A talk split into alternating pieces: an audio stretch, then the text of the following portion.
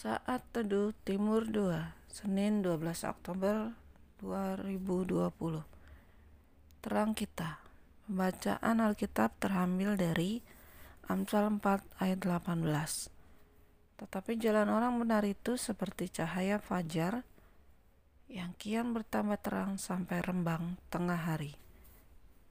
Shalom. Terang memiliki fungsi menyingkapkan kegelapan dan menuntun orang pada jalan yang benar. Terang tidak boleh ditutupi, apalagi disimpan. Fungsi setiap kita, orang percaya, sebagai terang adalah menyuarakan kebenaran dan keadilan. Kita, anak-anak Tuhan, harus berani berkata kepada orang lain bahwa benar adalah benar dan salah adalah salah.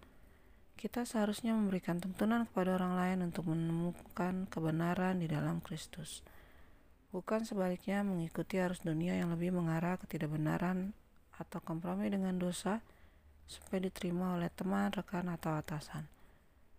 Pasti tidaklah mudah karena dunia ini lebih menyukai kegelapan. Menjadi terang dunia mengajarkan setiap kita untuk hidupnya menjadi contoh dan teladan bagi orang lain. Jangan sembunyikan terang yang ada, karena dunia perlu terang dari hidup kita.